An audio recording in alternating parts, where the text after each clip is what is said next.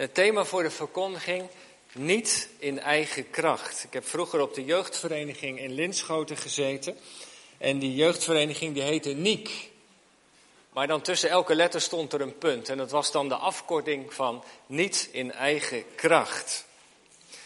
En na de preek, na de verkondiging, zingen we uit het liedboek, gezang 78, het lied van de wijnstok. Laat me nu blijven groeien, bloeien, o heiland die de wijnstok zijt. Niet in eigen kracht.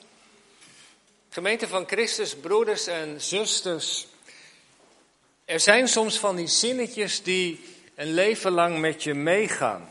Althans, zinnetjes die je als mens typeren. Soms hoor ik dat wel eens in de gesprekken met mensen in de gemeente. Nou, mijn, mijn moeder zei altijd, of mijn oma, die had zo'n zinnetje. En zo zijn er van die zinnetjes die je soms wel eens af en toe terug hoort en jezelf ook hoort zeggen. En mijn ouders vertelden mij dat een zinnetje dat ik als klein kind altijd heel vaak zei. En misschien tekent dat mijn leven ook wel een beetje. Ik er zelf doen. Misschien herken je dat wel. dan, dan willen ouders iets voor je doen, ben je iets aan het bouwen of een tekening aan het maken, iets met Lego. Ik weet niet hoe oud ik was geweest, maar ik wilde het vooral ook zelf doen. En ik dacht, misschien is dat wel iets wat ons mensen eigenlijk, niet alleen mij, maar ons allemaal wel op een of andere manier typeert. De cultuur, de samenleving waarin wij leven. Ik red me wel. Als ik terugdenk aan gesprekken die je soms hebt in de kring van de gemeente, als je dan met mensen vraagt en je hoort, hebt gehoord dat er, dat er zorgen zijn of zo, kan ik iets voor je? Nee, is wel goed, ik red me wel. Hoe vaak hoor je dat ook niet, dat mensen dat soms ook zeggen? Als er moeilijke dingen zijn in het gezin, een relatie of een werk, je vraagt ernaar, maak je geen zorgen, ik red me wel. We vinden het ook wel vaak moeilijk om ook toe te geven dat we het niet redden. En dat is ook wel iets wat in onze samenleving natuurlijk steeds belangrijker wordt geworden. Uh, gevonden. We zijn op weg van een verzorgingsstaat waar alles voor je geregeld werd, naar meer een samenleving waarin, ja, een participatiesamenleving, waarin de zelfredzaamheid ook steeds belangrijker wordt. Hè. Het is niet de bedoeling dat de staat alles voor je doet, maar we kijken naar mensen, wat hun eigen mogelijkheden zijn, hoe een netwerk eruit ziet. We proberen met een Engels woord mensen te empoweren, een soort empowerment. Kijken wat ze zelf nog kunnen doen en, en ze daarin helpen. In de zorg, in het onderwijs, in het welzijn. Eerst kijken naar wat mogelijk is en daarna eventueel hulp aanbieden. En zo, al gaandeweg, leren we ons leven te zien als het resultaat van onze eigen keuzes. Hè? Zelfredzaamheid, je moet zo lang mogelijk als kan je eigen broek ophouden. En nu is dat natuurlijk helemaal niet verkeerd. Het lijkt me ook een hele goede zaak dat je ook kijkt. Dat, dan, dan doe je de mensen, denk ik ook, eh, die hulp nodig hebben, het meeste recht als je kijkt naar wat ze wel kunnen. En dat je dat dan verder ook, ook steunt en dat je naar hun netwerk verder kijkt. Maar er zit natuurlijk in zekere zin ook wel een gevaar. En het gevaar van zelfredzaamheid is dat, dat het gewicht van je leven toch in eerste instantie op jezelf komt te liggen. En dat afhankelijk zijn en zeggen van nou ik red het niet, ik heb hulp nodig, met een scheef oog wordt bekeken. En dat je dan niet kunnen, dat dat dan toch een beetje klinkt als ja, je wilt misschien ook niet. En niet kunnen is toch iets anders dan niet willen. Zelfredzaamheid. Laten we nou eens even zeggen dat dat misschien wel een rode draad is in de samenleving vandaag de dag. Ik red me wel. Ik las in het dagblad Trouw een interview met een acteur. Maakte liedjes, stond op het podium. En er was in zijn leven iets gebeurd. Hij schrijft, ik citeer maar even. Erover praten vind ik moeilijk. Ik heb toen Esther werd geboren een liedje voor haar gemaakt. Ik heb het één keer opgenomen, maar het daarna nooit meer kunnen zingen. Waardoor zijn dochter Esther is op jonge leeftijd overleden. Ik heb een liedje wat ik voor haar maakte nooit meer kunnen zingen. Ik wilde het verdriet niet toelaten, want op het podium stond ik voor de mensen, moest ik vrolijk zijn, de illusie in stand houden. Maar zodra ik alleen was, dan Nee, zelfs dan zal ik mezelf niet makkelijk laten gaan. Want als ik val, wie raapt mij dan weer op? Ik moet het stel, zelf doen, sterk zijn, de controle houden, want zo heb ik het van mijn ouders in mijn jeugd geleerd. Einde citaat. Zelfredzaamheid, hoe gaat het? Ik red me wel. Dat het diep in onze cultuur zit, wordt door volkszangers ook wel uh, soms haarfijn verwoord. Is inmiddels overleden. André Hazes heeft een liedje met als titel Ik red me wel. Maar hij verwoordt iets van dat gevoel. Hij zingt dat hij in de steek gelaten is door zijn vriendin. Ze is zomaar vertrokken zonder iets te zeggen. Is er vandoor gegaan. En dan zegt hij, ik zet je uit mijn hoofd. Ik draag dit als een man. Ik maak er geen punt van, ik red me wel. Ik red me wel. Beetje man, geen traan. Ik red me wel, zelfredzaamheid. Waarom deze inleiding? Nou, met dit thema zelfredzaamheid zitten we midden eigenlijk in de brief van apostel Paulus. Met name in dat laatste hoofdstuk reageert de apostel op iets wat in zijn dagen rondzong. En Paulus heeft bezoek gekregen, hij zit in de gevangenis, hij heeft bezoek gekregen van Epaphroditus. Hoofdstuk um, um, 1 wordt dat uh, verteld. Of 2 eigenlijk, hoofdstuk 2. Uh, heeft hij bezoek gekregen van Epaphroditus en Timotheus. En die hebben waarschijnlijk iets verteld over de gemeente in Filippi, hoe het met haar gaat, wat er allemaal speelt. Dat doe je dan, hè, als je als voorganger niet in de gemeente bent een tijdje. En, en, en dan, dan krijg je bezoek. En hoe gaat het met die? Of je bent oud-voorganger van de gemeente. En hoe gaat het met die familie? Zijn, zijn de mensen nog een beetje trouw in de gemeente? En, en, en zien ze nog naar elkaar om? Dat wil je dan weten. Zo heeft Paulus waarschijnlijk iets van Epaphroditus over de gemeente gehoord. En ook iets van wat er in de laatste tijd speelde. Want er waren ook andere voorgangers gekomen. En, en dat levensgevoel, dat wat Paulus hoort van Epaphroditus, laat zich samenvatten met een Grieks woord, ik ga het toch maar even noemen, autarkeia. En autarkeia zou je, zou je kunnen vertalen met self-sufficient, zelfgenoegzaam. Laten we maar even voor het gemak zeggen zelfredzaam. Dat gevoel van zelfredzaamheid is iets waar Paulus in het laatste stukje van, van de Filippense brief op reageert. En dat zat namelijk zo in de tijd, in de eerste eeuw, waren er twee stromingen. Filosofische stromingen in die tijd. Je had de Epicureërs en de Stoïcijnen. En de Epicureërs, kort gezegd, die waren er niet zeker van of er een God bestond, of er goden bestonden. Maar als ze bestonden, dan hadden ze niks met het leven hier op aarde te maken. Wij mensen moeten zelf betekenis geven aan ons leven. Wij moeten de zin aangeven. Wij zijn verantwoordelijk moeten regie hebben voor ons eigen leven.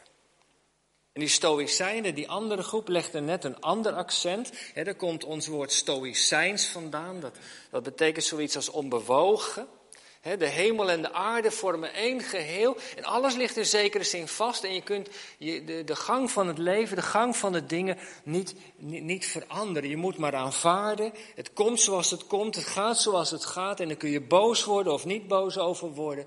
Maar het heeft eigenlijk geen enkele invloed, een soort lot en dat moet je maar aanvaarden wat je is toebedeeld. En alle emoties zitten alleen maar in de weg. Je kunt beter een soort stoïcijnse levenshoud. Nou ja, ja, zo is leven nu eenmaal. In het dagelijks leven van de mensen in de tijd dat Paulus de brief schrijft, komen die twee dingen samen in dat ene woordje zelfredzaamheid, autarkeia. Wees tevreden met wat je hebt, Stoïcijnen, en maak er maar het beste van, Epicureërs. En Paulus voelt op een of andere manier dat dat levensgevoel doorcijpelt in de gemeente. En als je dat nou maar hoort, als dat verkondigd wordt, als je naar het marktplein gaat, als je, als je andere mensen spreekt en, je hoort steeds maar dat je zelf redzaam moet zijn, en op een gegeven moment gaat het ook van je hoofd naar je hart, gaat het je leven ook stempelen.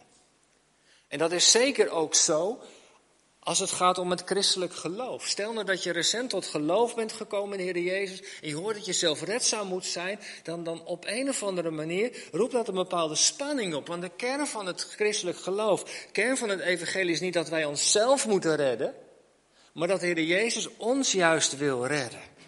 Het gaat er niet om dat wij zelf de rigide controle blijven houden van ons leven. Maar geloven, dat is toch overgave. Dat is tegen de Heer Jezus zeggen, Heer Jezus, ik heb allerlei plannen en dromen. Maar wat wilt u dat ik doe? Hoeveel mensen, hoeveel van ons hebben daar niet moeite mee om de controle uit handen te geven? En te zeggen, Heer, ja, zegt u het maar. Want we willen zo graag de regie houden over ons leven. We willen zo graag dat onze plannen doorgaan. Nou, als je dan maar zelfredzaam moet zijn, roept dat dus een bepaalde spanning op. Want geloven is overgave, afhankelijk zijn. Bereid te zeggen als je opstaat s ochtends, Heere God, dan heb ik een hele dag, ik wil allerlei dingen doen, maar wat vindt u belangrijk? Wat dient uw koninkrijk? Hoe kan ik hier in de stad, in het dorp, in de straat waar ik woon, de mensen dienen? Bereid om te luisteren naar wat de Heer Jezus belangrijk vindt. Paulus is met dat levensgevoel in gesprek. Zoals ik zei, ik denk dat hij van Epaphroditus in Timotheus gewoon iets gehoord heeft over de gemeente, bepaalde zorg, en hij probeert dat in het laatste gedeelte duidelijk te maken. Dan zou even, ja, heeft misschien, ik weet niet of u uw Bijbel bij, bij zich heeft, maar dan zou je even moeten kijken naar vers 11. Daar schrijft hij, daarom heb ik de HSV ook maar even gelezen vanmorgen. Hij zegt, hij zit in de gevangenis, hij is afhankelijk van giften. En het is niet dat hij voortdurend maar loopt te bedelen. En het gaat om vers, uh, vers 11. Hij zegt niet dat ik dit zeg, dat ik gebrek heb, want ik heb geleerd tevreden te zijn. En dat, dat, dat woordje tevreden zouden we vanmorgen even moeten onderstrepen, want daar komt het woordje autarkeia, in het bijwoord autarkes, terug. Ik heb geleerd, zou je kunnen vertalen, om zelfredzaam te zijn. Ik vind het fijn als jullie aan me denken en jullie giften geven, maar maak je geen zorgen. Ik heb geleerd zelfredzaam te zijn. Dat is het woordje tevreden. Ik weet wat het is om vernederd te worden, overvloed te hebben. Dat heb ik allemaal geleerd. En ik heb geleerd zo mijn eigen broek op te houden. En, en voor het oog dachten de mensen misschien, ja Paulus, maar dat hebben we nu ook gehoord. Dat zeggen de andere mensen ook.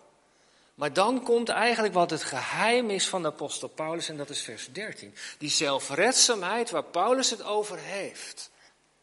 Ik heb geleerd tevreden, zelfredzaam te zijn. Wat is nou het geheim van zijn leven? Je zou kunnen zeggen dat in dat dertiende vers heel Paulus' leven, zijn geloof wordt samengevat. Hij heeft natuurlijk heel veel brieven geschreven, maar dit is toch wel de kern. Vers 13. Alle dingen kan ik aan door Christus die mij kracht geeft. Dat is het geheim van het leven van apostel Paulus. Die zelfredzaamheid voor de apostel Paulus betekent, hij zegt, ik heb geleerd zelfredzaam te zijn. Maar het geheim is, is dat hij zoals die, die mobiel verbonden was met die powerbank, dat hij dagelijks verbonden was met de Heer Jezus. En hij was degene die hem daartoe in staat stelde. Het geheim van zijn leven was die verbondenheid met de Heer Jezus. Alle dingen zijn we mogen door Christus die mij kracht geeft, het geheim van zijn leven. als de mensen naar de apostel Paulus keken, wat zagen ze dan?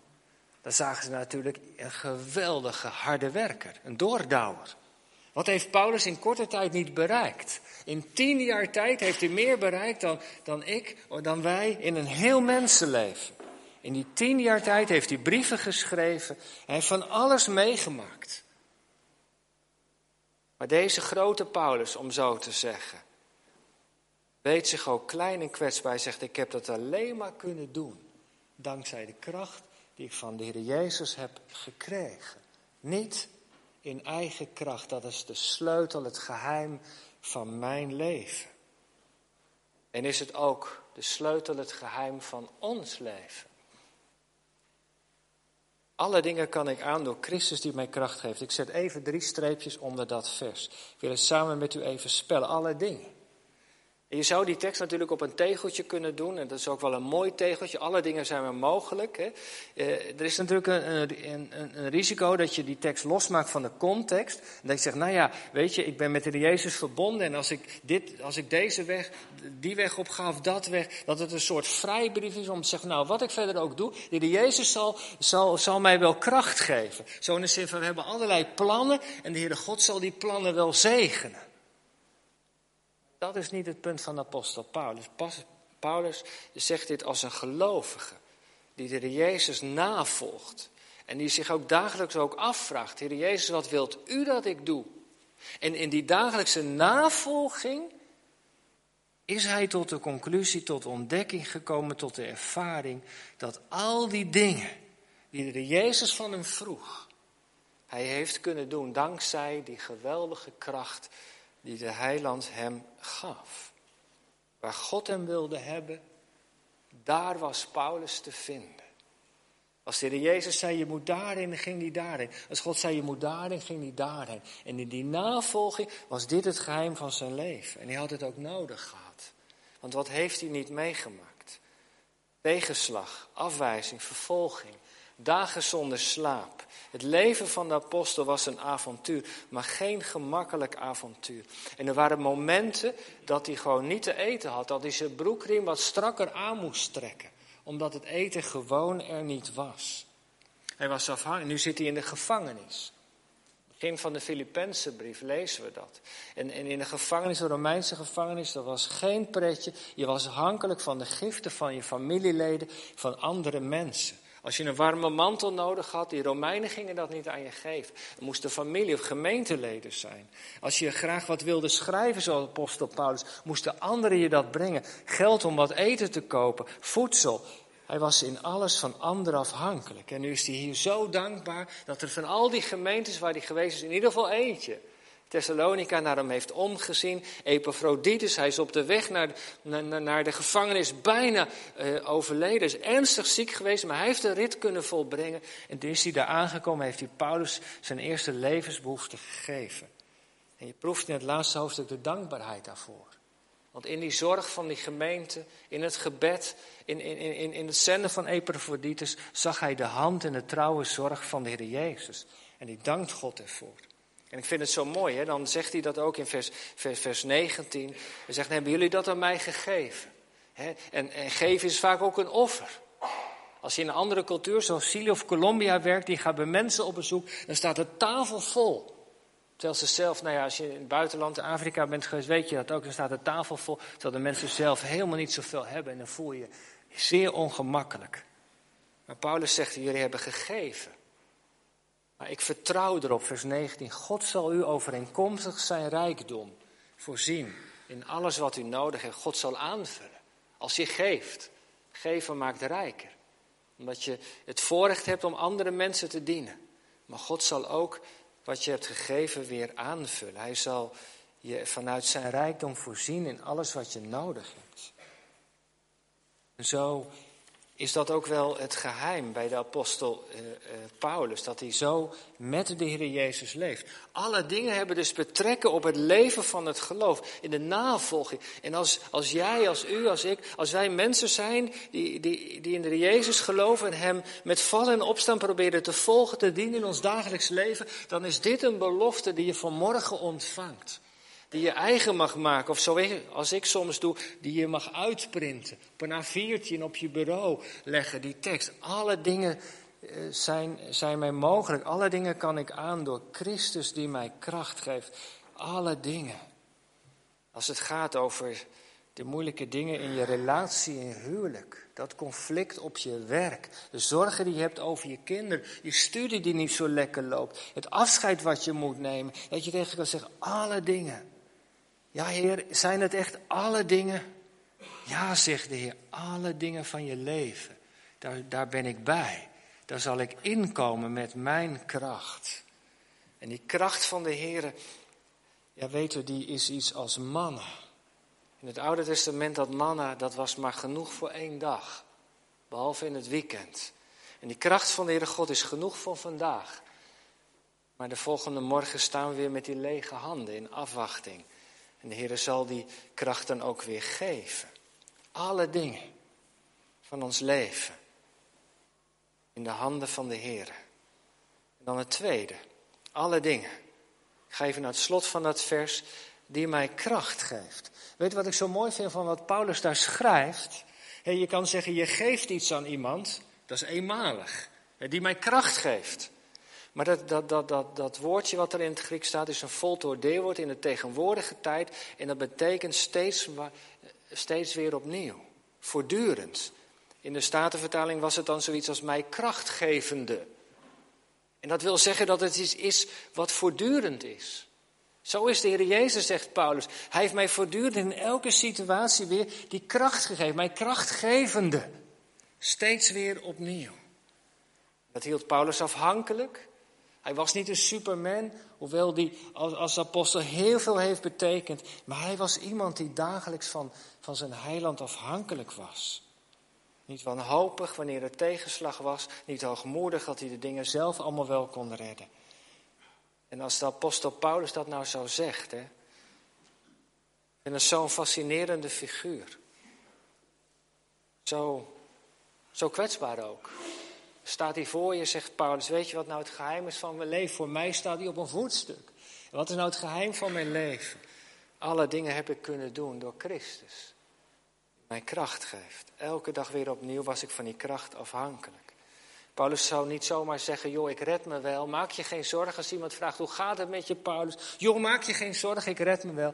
Nee, zegt hij, ik heb een sterke heiland, die redt mij. Die is er met zijn kracht, elke dag weer opnieuw. En ik dacht, als Paulus dat zo zegt, dat hij aangewezen is op die kracht van Christus, hoeveel te meer zal dat wel niet bij mij zijn? Ik merk dat het in de kring van de gemeente nog best heel lastig is om te zeggen dat je nou, om die kwetsbaarheid te laten tonen. Misschien is dat bij jullie anders. Je ook gewoon durft te zeggen als een ouderling op huisbezoek komt van, hoe gaat het met je? Nou, eigenlijk niet zo goed. Mannen misschien, ik weet het niet, maar vinden het moeilijk om kwetsbaar te zijn. Te zeggen dat het gewoon even niet gaat op je werk, dat je het niet volhoudt, dat je niet alle ballen in de lucht kunt houden.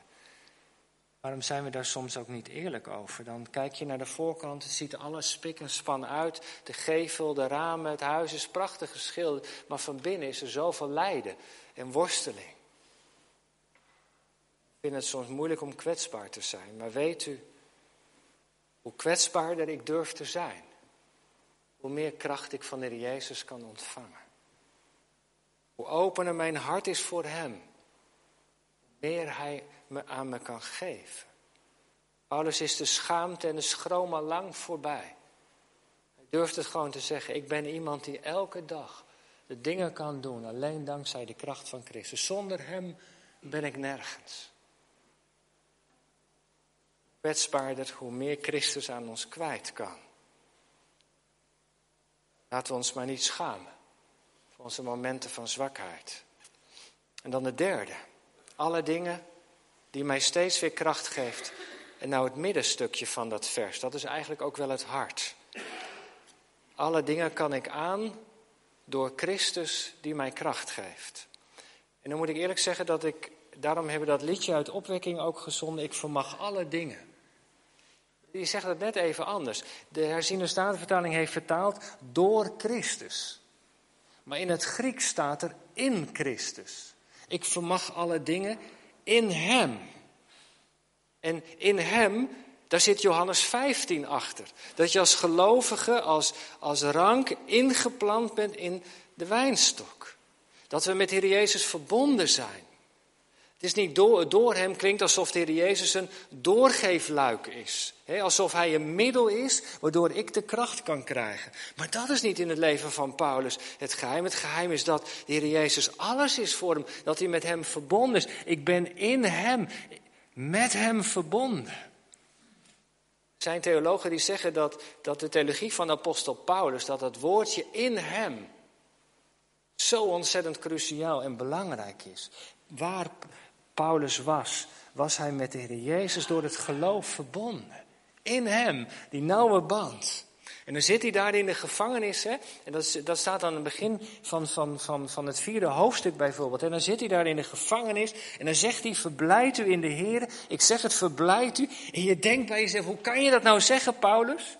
He, er ligt er iemand op het ziekbed en de omstandigheden zijn ingewikkeld en, en er zijn zorgen over de toekomst. En dan kom je daar op bezoek en dan wil je die ander bemoedigen. En dan word je door de zieke zelf bemoedigd en zegt van ja, wat er ook gebeurt, de Heer is erbij. Denk je, hoe kan het nou dat iemand dat zegt?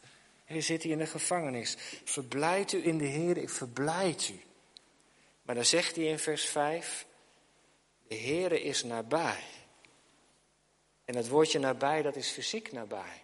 Paulus was niet alleen in die cel, maar is verbonden met de Heer Jezus. Heer Jezus was bij hem. Dat was het geheim van zijn leven. Hij was met zijn heiland verbonden. Weet u dus, dat is een mooi lied van Sela. We zingen het ook misschien wel best wel regelmatig in de kerk. Ik zal er zijn. Een lied dat door Hans Maat is geschreven en wat vele harten heeft geraakt. En er staat een zinnetje in. Waar ik ben, bent u. Wat een kostbaar geheim. Nou, vanuit Paulus kan je dat ook zeggen. Waar ik, ik ben met de Heer Jezus verbonden. Waar ik ben. Ik ben niet alleen in mijn kamer. De Heer Jezus is daar. Ik loop niet alleen door de winkel. De Heer Jezus is daar. Ik zit niet alleen in die vergadering alleen. De Heer Jezus is erbij. Want ik ben met Hem verbonden waar ik ben, bent u. Geest van de Heer Jezus in ons woont. Wie gelooft is niet alleen. Alle dingen kan ik aan in Hem. Door met de Heer Jezus verbonden te zijn. Door zijn geest in ons te hebben wonen. Dat kan Paulus elders ook zeggen. Niet meer ik leef, maar Christus leeft in mij. Hij woont door zijn Heilige Geest in ons. En waar wij zijn, is die geest te vinden, is de geest van de Heer Jezus in ons. Daarom, zegt Paulus, ben ik niet alleen. Je begrijpt wel dat het dan ook wel belangrijk is dat wij met de Heer Jezus verbonden zijn. Wij ons hart aan Hem hebben gegeven. En ik kan er vanmorgen van uitgaan dat dat bij ons allemaal het geval is. Maar als dat niet het geval is, een hartelijke uitnodiging. Om ook die rijkdom van het leven met de Heer Jezus binnen te gaan. Om Hem ook te kunnen ervaren in je leven. En je hoeft alleen maar je knieën ervoor te buigen, je handen te openen. Zeg je, Jezus, kom ook in mijn leven binnen. Want, want dat geheim, dat ik in mijn leven niet alleen ben. Dat geheim, dat er die momenten zijn dat ik niet weet, hoe kan ik de dag doorkomen. Dat u daar dan inkomt met uw kracht. En, en omdat u dat heeft beloofd, omdat vele mensen in de Bijbel dat hebben getuigd. Apostel Paulus boven alles. Alle dingen kan ik aan in Hem die mij kracht geeft. Wat is belangrijk om met de Jezus verbonden te zijn, door Hem te zoeken, elke dag weer opnieuw. Lieve mensen, ik weet niet precies hoe het met de tijd gaat vanmorgen. Ik geloof dat het bijna tijd is, want ik ga afronden. Als bemoediging. Ik zou zeggen, neem deze tekst mee vanmorgen. Schrijf hem op een kaartje. Onderstreep hem in de Bijbel. Zet daar dan de datum van vandaag bij, 22 januari 2023. Dat is het woord van God wat we vanmorgen hebben ontvangen. Verbonden met de Heer Jezus mogen we zijn. Hij die voor mij aan het kruis is gegaan, die al mijn zonden op zich heeft willen nemen. Hij die mijn bestaan voor mijn rekening wilde nemen. Die momenten dat ik niet op Hem vertrouwde, dat ik Zijn hulp niet zocht. Hij heeft dat gedragen. En het is deze heiland die onze heiland elke dag weer opnieuw wil zijn. Is Christus voor je? Nou, als ze dat aan Paulus zouden vragen, hij zegt, één ding doe ik. Ik vergeet alles wat achter mij is en ik strek me uit, want ik wil Hem kennen, meer en meer. En ik bid dat God u dat verlangen ook geeft. Misschien gaat het goed met jou en is er veel reden tot dankbaarheid. Daar danken wij God voor. Misschien is uw of jouw leven niet zo makkelijk deze dagen. Je ervaart eenzaamheid. Er zijn zorgen in je gezin. Er is gebrokenheid, momenten dat je geen kracht meer hebt. Neem deze belofte dan mee vanmorgen. Wie met Christus verbonden is door het geloof, wordt door Hem vastgehouden. En die kracht zal er zijn, elke dag weer opnieuw. Dit zegt, You raise me up wanneer ik moe verwond, verward, vol vragen, al tastend rondel door een bange nacht, dan weet ik eens. Eens zal de morgen dagen, u tilt me op en u vernieuwt mijn kracht. Amen.